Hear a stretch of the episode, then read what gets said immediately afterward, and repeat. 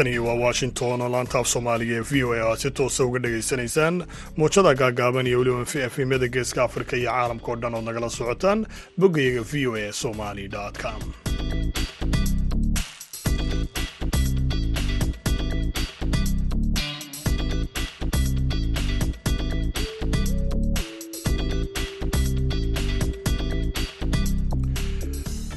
wanaagsan dhammaantiima dhegaystayaal meel kastoo aad joogtaanba waa isniin taariikhduna ay tahay afarta bisha sebtembar ee sannadka laba kun iyo saddexiyo labaatan.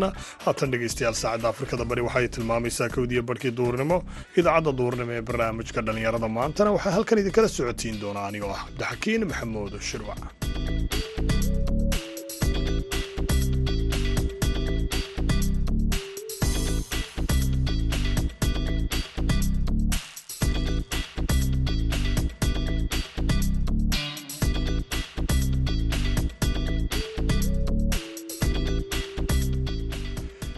qodobada dhegeystayaal aad ku maqli doontaan idaacadda duhurnimona waxaa ka mid ah madaxweyne xasan sheekh oo hiiraan u gaadhay xoreynta deegaanada ku harhsan gacanta al-shabaab ee gobollada dhexe. Madaxweynaha waa yimid wuxuuna u yimid abaabul yacni waa og tahay in dagaalkii khawaariijta lagula jiray la rabo in la soo afjaro. Maxaasna waxay ka mid tahay meelaha ama deegaanada qeyb weyn.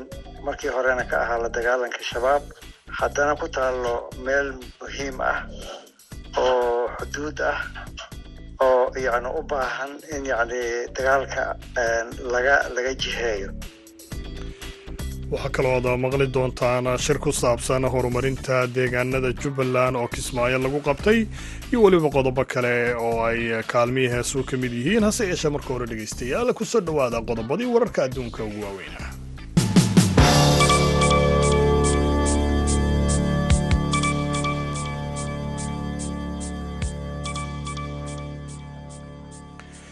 madaxweynaha ruushka ayaa maanta martigeliyey madaxweynaha turkiga rajab tayyib erdogan.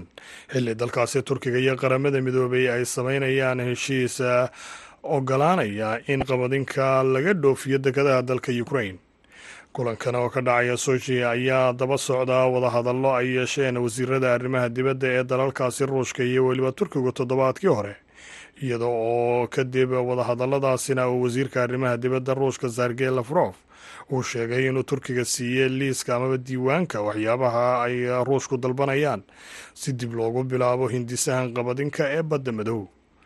Heshiiskan oo uu ruushku ka baxay bishii julaay kadib markii uu ka cawday inaana la tixgelin heshiis ku lamaana amaba la socday oo lagu ballan qaaday in meesha lagaga saaro waxyaaba caqabad ah oo horyaalay dhoofinta ruushka ee cuntada iyo weliba waxyaabaha kale bacriminta loo adeegsado madaxweynaha dalka koonfur afrika ayaa xaddii sheegay in guddi madax bannaan ay soo ogaatay inaanay jirin waxyaabo caddaynaya in markabuu ruushku leeyahay uu hub ka qaaday koonfur afrika islamarkaana uu geeyey ruushka robin brety oo ah danjiraha maraykanka u jooga koonfur afrika ayaa bishii may soo jeediyey eedayn ah in markab uu ruushku leeyahay uu ku soo xidhay saldhig ciidamada baddu ay leeyihiin oo ku yaalla magaalada simon ee u dhow magaalada cape town ee dalkaasi. Islamarkaana si uu halkaasi uga qaado shixnada hub ah oo loo rarayay dalka ruushka eedayntaasi ayaa kicisay dareen ku gadaaman dhexdhexaadnimada koonfur afrika ee duulaanka ruushku ku qaaday ukrain iyo weliba in dalkan ku yaalla qaaradda afrika ay reer galbeedku ku soo rogaan cunaqabatayn. Ugu dambeyntiina shirkii u horreeyey ee cimilada ee ay yeeshaan afrikaanku ama waddamada afrika ayaa maanta ka bilaabmay magaalada nairobi iyadoo madaxweynaha waddankaasi kenya william ruuto uu furay shirkaasi oo socon doona saddex maalmood kadib markii uu sidaa ay ku warantay wakaaladda wararka associated press uu gaadhay koronto ku shaqaynaya goobta uu shirku ka dhacay oo ugu soo socdaalay. Halkii uu sidii caadada ahayd uu halkaasi ugu socdaali lahaa kolonyo baabuura qaaradda afrika oo ay ku nool yihiin in ka badan hal bilyan oo qof ayaa uu aad u saameeyey isbeddelka cimiladu. Walow inta ugu yar ay ku soo biiriyaan waxyaabaha inta badan keena isbeddelkaasi cimilada mid ka mid a caqabadaha ay qaaraddu waajahayso si loola tacaalo isbeddelkaasi cimilada ayaa la sheegay inay tahay in aanay haysan kaabayaasha ay ku ururin lahaayeen. Xogta si ay cimilada u sii saadaaliyaan amaba ay ula socdaan. Dhegeystayaal qodobadii wararka adduunka ugu waaweynaana waa naga intaa haatanna u diyaar garooba qeybaha dambe idaacadda barnaamijka duhurnimo ee dhallinyarada maanta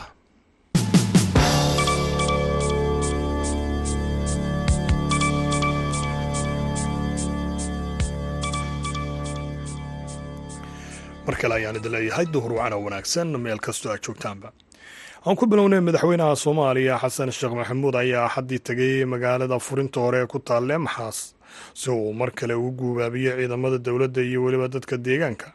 Tallaabo la xidhiidha howlgallada militari ee socdaha.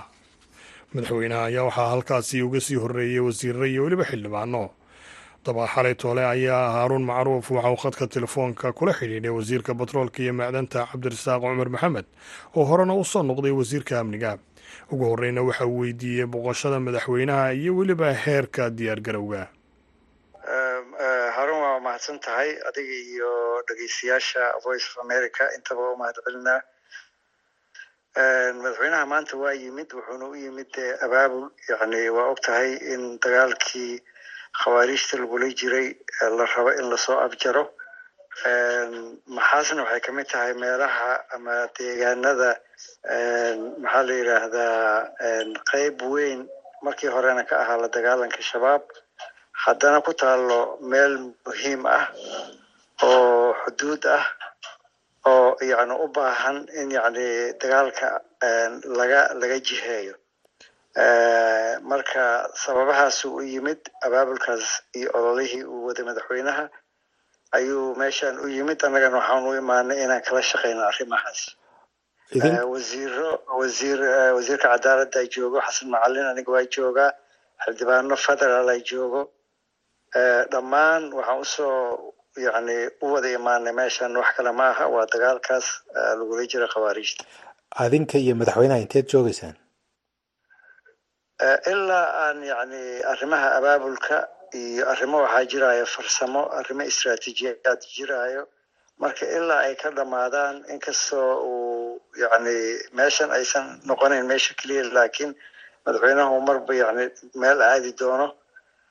Haddana madaxweynaha ilaa arrintan maadaama uu maanta keliya uu yimid kolleyta wuu joogaa beri wuu joogaa beritanba waa joogaa.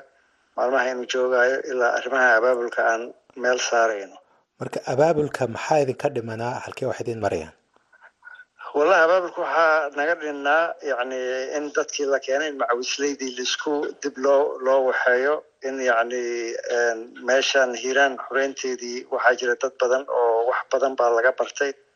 Dad badan oo khibrad badan leh baa jiro. Khibraddii dadkii lahaana in la helo saraakiishii lahayd in la helo macawisleyda iyo saraakiisha xooga dalka soomaaliyeed wada shaqayn iyo coordination inay ka dhexayso inaysan noqonin sida meelaha qaarkood ka dhacdo kaleeto laakiin uu noqdo dagaal yani la og yahay jane of commandkiisa meeshuu ka bilowda iyo meeshuu ku dhammaado dagaal ay shacabka iyo ay ka qayb qaataan. Marka waxyaabahaas oo dhan ayaa yani u baahan yani in la iska arko. Waa garta meelaha kale aad sheegaysa waa kuwey maxaa qalad oo ka dhacay meelaha kale ama aan isla socdahayn wallahi dee meelaha kaleeto wax weyn oo ka dhacay hadda ma jiraan laakiin galmudug oo kaleeto waa la socotaa dee dagaal waa ka dhacay. Inkastoona yani khawaarijta si xun meeshaas yani loogu galay haddana meeshii ahayd coos weyn ayay soomaalidu afka ku hayeen. Inkastoo aniga aan u arko inay ahayd meel success ciidanka uu ahaa dee maxaa la yidhahdaa laakiin dee xoogaa coordination xumo inay jirta meesha ayaa aniga shaksiyan yani wararka sidan ku helaya ayay ayaa la ii sheegay. Marka waxyaabahaasoo kale dee siyaysan u soo dhicin. Wixii qaladoo laga laga dhowrsan kara in laga dhowrsado dagaalkana si yani strategic ah si yani la og yahay hoggaankiisa la og yahay kala dambeyn ay jirto macawisleyda waagii ay ka dagaalamayeen hiiraan annaga yani qaybaan ka ahayn waa ogeyn annaga yani xitaa mararka qaarkood yani howlgallada wax ka ogeyn. Meel markii la qabsado macawisleyda ay qabsadaan ciidanka iyo macawisleyda oo wada socda ay qabsadaan. Waxaan samayn jirnay xitaa yani tuuladaas ama meeshaas la qabsaday. Deegaankaas dadka degan ayaa macawisley kaleeto laga aasaasi jiray.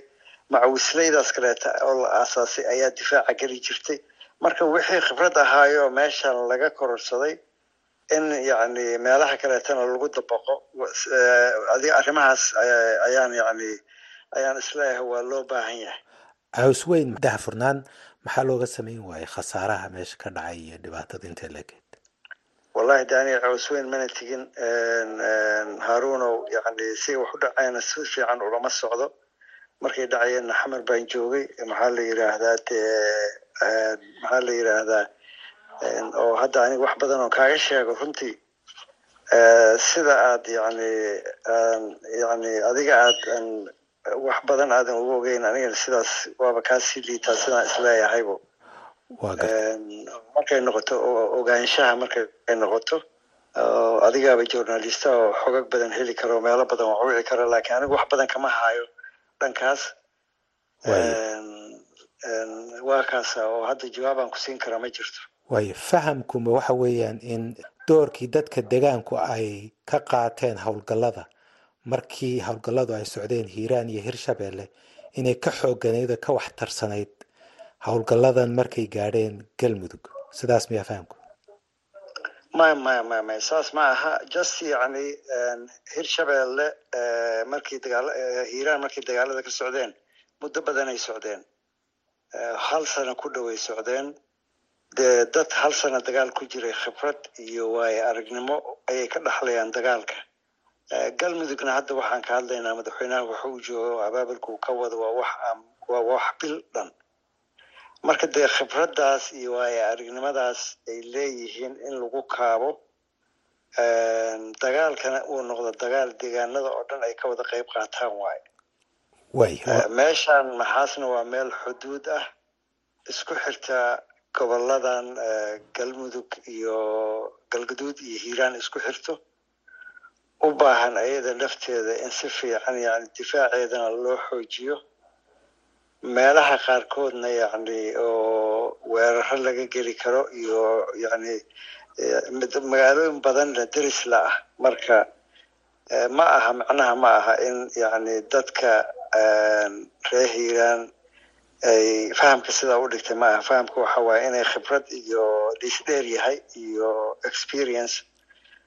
Waa waa jirtaa laakiin dee intaasna laga faa'iidaysto keliya waay. Khibraddaas iyo experiencagaas iyo waayo aragnimadaas dagaalka ay reer hiiraan u leeyihiin in laga wada faa'iidaysto waay wahagaaga dhegeystayaal kaasina waxauu ahaa wasiirka batroolka iyo macdanta ee soomaaliya cabdirasaaq cumar maxamed oo khadka telefoonka ugu warramayey haaroon macruuf. Warbixino kale ayaa dhegeystayaal inoo soo socday hase yeeshee haatan ayn ku wada nasanno dhinacii kaalmaha heesaha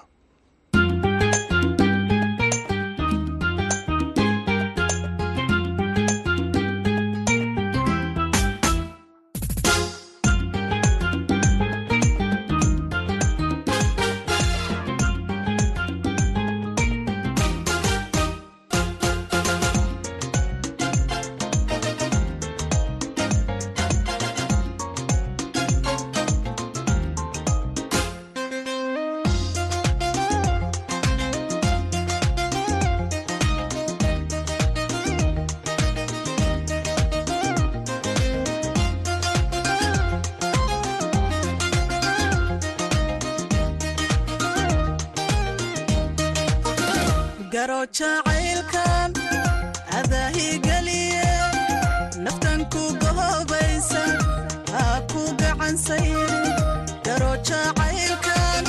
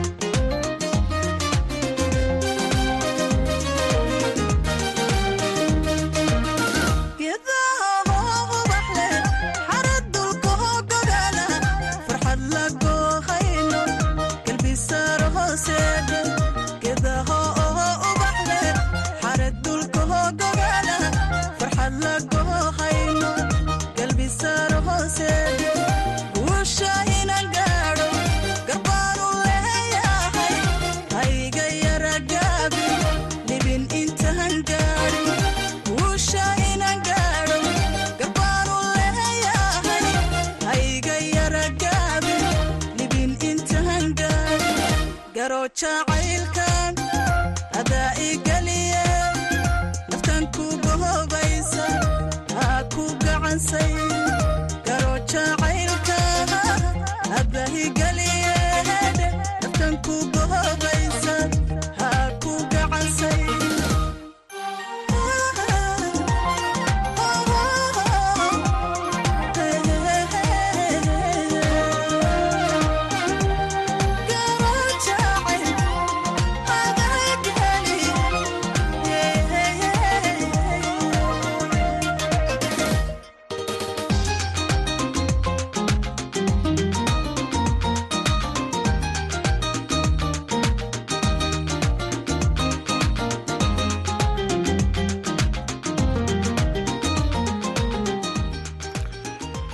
codkaasi kinjaamaca dhegaystayaal aynu intaasi kaga soo gudubna islamarkaana aynu hore ugu sii soconno qeybaha kale idaacadda duhurnimo shirka qorshaha horumarinta deegaanka jubbaland oo ay ka qayb galeen mas'uuliyiin ka tirsan jubbaland iyo weliba madax ka socotay qaramada midoobay ayaa lagu qabtay magaalada kismaayo kaasoo oo lagaga arrinsanayay sidii loo fulin lahaa qorshayaasha maamulka ee horumarinta deegaanada jubbaland. Waxaana daafurkaasi ka qayb galay amaba daafure aan idhaahdee madaxweyne ku-xigeenka jubbaland waa sida uu warkana ku faahfaahinayo waryahayaga aadan maxamed salaad. Mas'uuliyiintan ka tirsan maamulka jubbaland ayaa ka qayb galay munaasabad ballaaran oo lagu daafurayey qorshaha istaraatiijiyadda horumarinta jubbaland kaas oo ay dibweegis lagu sameeyey ayna soo diyaarisay wasaaradda qorshaynta jubbaland. Mas'uuliyiin uu hogaaminayay madaxweyne ku-xigeenka labaad ee jubbaland suldaan cabduqaadir xaaji maxamuud luga dheere ayaa ka qayb galay munaasabadda daafurka mashruucaasi. Mas'uuliyiin kala duwan oo goobta ku sugnaa ayaa hadallo kokooban ka soo jeediya goobta iyagoo sheegay in ahmiyad gaara la siiyo qorshaha horumarinta deegaanada jubbaland si markaasi wasaaradda qorshaynta ay u daadijiso mashaaricyada kala duwan ee horumarineed ee la doonayo in laga hirgeliyo guud ahaan deegaanada jubbaland. Wasiirka wasaaradda qorshaynta iyo xiriirka caalamiga jubbaland cabdiraxmaan cabdi axmed ayaa ugu horeyn faahfaahin ka bixiyey mashruucan iyo waxa uu yahay. Mudanyaal iyo marweyn waxaa farxad iyo wingoyn oo ah inaan maanta isugu nimaanno annagoo ka kooban dowlad dadweyne ee shacabka reer jubbaland. Saaxiibada naga kaaba dowlad soomaaliya gaar ahaan jubbaland istaraatiijiyadda dib u eegista horumarinta qorshahan jubbaland labada kun labaatan iyo kow labada kun labaatan iyo afar inaan isugu imaano waxay inoo tahay sharaf iyo farxad. Qorshahan wuxuu ka yimid go'aan dowladeed oo lagu dhan yahay wadatashi lala sameeyey bulshada iyo hay'adaha caalamiga iyo kuwa maxalliga ah wada shaqayn dhexmartay wasaaradaha iyo hay'adaha dowladda iyo dadaal dheeriya ay sameeyeen xeldheerayaasha khubarada iyo howlwadeennada wasaaradda qorsheynta maalgashiga iskaashiga caalamiga dowladda jubbaland. Mudane madaxweyne mudanayaal iyo marweye istaraatiijiyaddan waxay ka kooban tahay shan tiir oo muhiim ah. Aas-aasna waa horumarka iyo dowladnimadan jubbaland. Gudoomiyaha guddiga barakacayaasha ee jubbaland cali aadan cali oo goobta ka hadlay ayaa sheegay in loo baahan yahay in qorshahan la dedejiyo si wax looga qabto dhibaatooyinka iyo sidoo kale baahayaha ay qabaan dadka barakacayaasha ahi ee gobolka ku nool. Iyaguna waxay noola shaqeeyaan si hagar la'aana oo barnaamijka annaga aad baan mataqaanay ayay ugu dhuunduleelaan iyo waxaan wadnay waxaan gacanta ku hayno. Intaa markaan ka gudbo fursaddan kulankan waxaan ooga faa'iidaysanayaa maanta oo dhammaan stakeholderska ay fadhiyaan. Waxaan ooga faa'iidaysanayaa waxqabadka iyo damaca annaga hadda nagu jiro komishin ahaan. Saad ogsood waa laga yaabaa inaad maqasheen waxaan wadnaa barnaamij ah in dadka barakacayaasha ee magaalada degan aan bannaanka u saarno. Oo aan dejinno dhulkii ay dowladdu bixisay ee loogu talagalay xalka waara. Ugu dambayntii madaxweyne ku-xigeenka labaad ee jubbaland suldaan cabduqaadir xaaji maxamuud luga dhere ayaa gebagabadii goobta ka hadlay isagoona bogaadiyey qorshaha cusub ee lagu horumarinayo deegaanada jubbaland. Barnaamijkaas oo madaxweynaha dowladda jubbaland soo ansixay iyo soo sayaxay aniguna wakiil uga ahay in haddaan furo laga bilaabo saacaddan. Barnaamijka waa daafuro yahay. Waxaan ku codsanayaa wada shaqayn fiican. Barnaamijka horumarinta waa barnaamij aan caadi ahayn waa barnaamij aad iyo aad u qiimo badan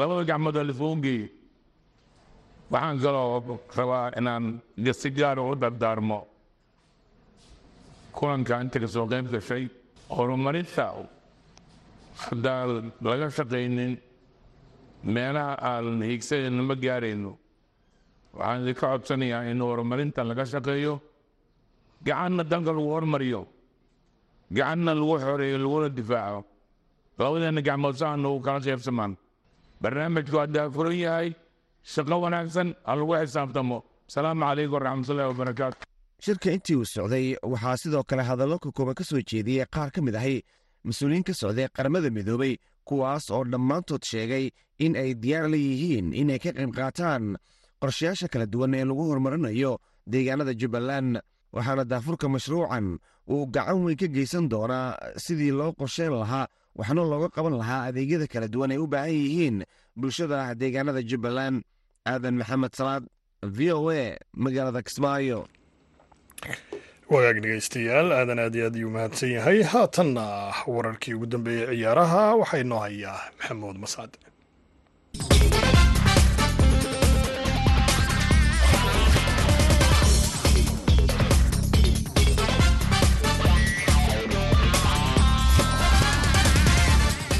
ciyaarahan waxaan u qabanay inaan u dabaaldegno sannadkii afartanaad. Aan ciyaaro qabanan waa sanad guuradii afartanaad. Waxaan kaloon xusaynaa nin saaxiibkeen ahaa oo dhowaan geeriyooday maxamed siraad nuure oo saadaq loo yaqaana. Isagana waxaan ku xusaynaa ilaah hadduu yidhaahdo. Waxaa kaloo jira timo ka soo qayb gala sanadkan waxaa ka mid ah toronto boston columbus ohio atlanta georgia qaar dad oo ka yimid ayakana minnesota iyo dad badan oo yurub iyo meelo kale ka yimid oo ciyaaraha sanaba nagala soo qaybgeli jiray. Hadda yurub oo kale waxaa ka socda london waxaa nooga yimid saaxiibka naga macalow oo sana walba noo yimaado wuu ku mahadsan yahay. Minneapolis waxaa nooga yimid macalin qariidii iyo kooxdiisii. Atlanta waxaa ka yimid westbundi oo kale. Marka aaday u mahadsan yihiin arrintan ay ka soo qayb galeen ay nagu sharfeen intaas waxaan sii raacinayaa ciyaarihii maanta ayay noo dhammaadeen koobkii odayaasha waxaa qaaday kooxda toronto ka socotay kooxda dhallinyaradana waxaa qaaday kooxdii washington d c ka socotay oo meesha annaka aan degan hadda ay tahay. Marka waa taas. Waa tahay. Marka ujeedka aad ka leedihiin tartamadan oo kale maxay tahay? Ujeeddada ugu weyn waxaa weeye in dhallinyarada la tuso jidka wanaagsan lagu mashquuliyo ciyaaraha orodada waxyaabaha noocaasa iyo maalmaha sabteeda gelinka horena dugsi inay tagaan gelinka dambena kubada la ciyaarsiiyo adduunyada way dhib badnaatay. Sinad hadda tiktok waxay soo baxeen carruurta waxyaaba badan ku mashquul yihiin. Marka waxyaabahaas ayaan dhallinyarada ka celinaa ciyaartooy badan baa jirta. Dhallinyaro badan aan soo saarnay oo hoostanada ku kortay afartankii sano ugu dambeysay oo jaamacado scholarship kaga hel si ay u ciyaaraan. Marka taas guul bay noo tahay in carruur badan annaga aan soo saarnay ay jaamacado ciyaaraan qaar xataa soomaaliya qaranka u ciyaaraan u dirnay 1997kii iyo 98kii iyo 2004kii ayaa jirta. Marka hoosh way badan tahay. Waa tahay soomaaliya marka laga soo tago dhallinyaradaas aad soo saarteen odayaasha iyo ciyaartooydii hore ayaa halkan isku arka. Faa'iido noocee bay leedahay middaas. Faa'iidada odayaasha hore ay leeyihiin waxaa weeye waxaan rabaa in carruurta ay nagu dayato inaan u noqono tusaale wanaagsan. Hadda bal eeg afartan sano marka aan soo wadnay sanad way noo imaanay way arkayeen carruur badanna waan soo saarnay inay nagu daydaan meel kasta. Waxaa kaloo jirta ciyaaraha waxaan bilaabnay 1983 kun sideed boqol iyo saddex Wa- sorry kun sagaal boqol iyo saddex iyo waa kooxdii ugu horeysay ee soomaaliyeed ee kubad ciyaarta oo qurbaha laga sameeya meel kasta ay tahayba. Maantana sida cid walba noogu deganaysay ayaa meel walba qurba ay joogto soomaali ayaa ciyaaro lagu qabtaa. Sida ilaa iyo australia iyo ingiriiska iyo yurub iyo sacuudiga lagu qabtaa waxaa lagu qabtaa north america canada mina meelba ayaa lagu qabtaa. Marka taas waxayna tusisaa inaan hool hooshanadii aan aan ku- khasaarin ay wanaagsan tahay oo la isku dayanay oo walba aan gaarsiinin si dhallinyarada loo badbaadiyo waa tahay waxaa soo hadal qaaday badbaadada dhallinyarada iyo muddo afartan sano inaad soo wadeen ee tartamadan cayaaraha. Ilaa hadda maxaa natiijo ah oo dhanka dhallinyarada ku saabsan aad ka aragteen oo ku saabsan tartamada aad qabanaysaan waxaan aad u faraxsanahay horta dhallinyaro aad iyo aad u tiro badan inay jaamacado ku hel waddankan aan joogno maraykanka.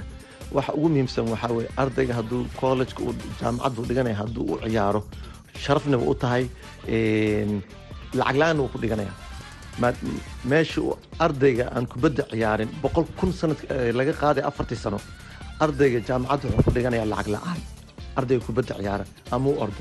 Marka arday badan ayaa hadda gobolka ah, minnesota oo kale jaamacada ka dhigatay boston. Marka tan ugu weyn annaka muhiimadda ugu weyn aan aan aan ku taxallujinno maadaama maraykan aan joogno caruurtanada dhallinyaranada inay jaamacadaha ku dhigtaan free lacag la'aan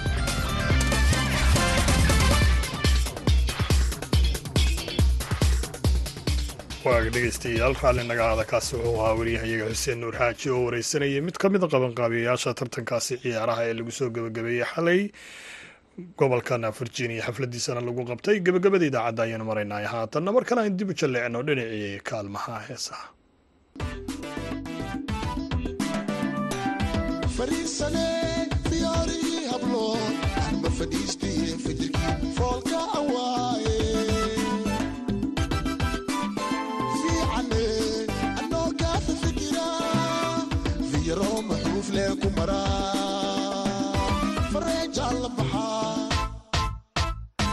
filadii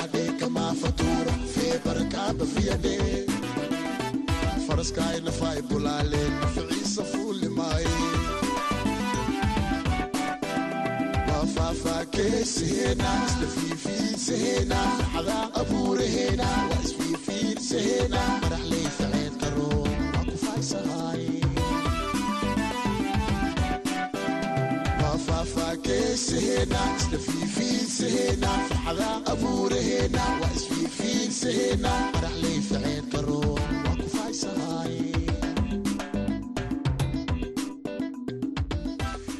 heestaasi ayaana dhegeystayaal ugu dambeysay idaacaddii duhurnimo ee barnaamijka dhallinyarada maanta. Tan iyo kulanti dambe dhammaantiinba waxaan idin leeyahay meel kastoo aad joogtaanba sidaa iyo nabadgelyo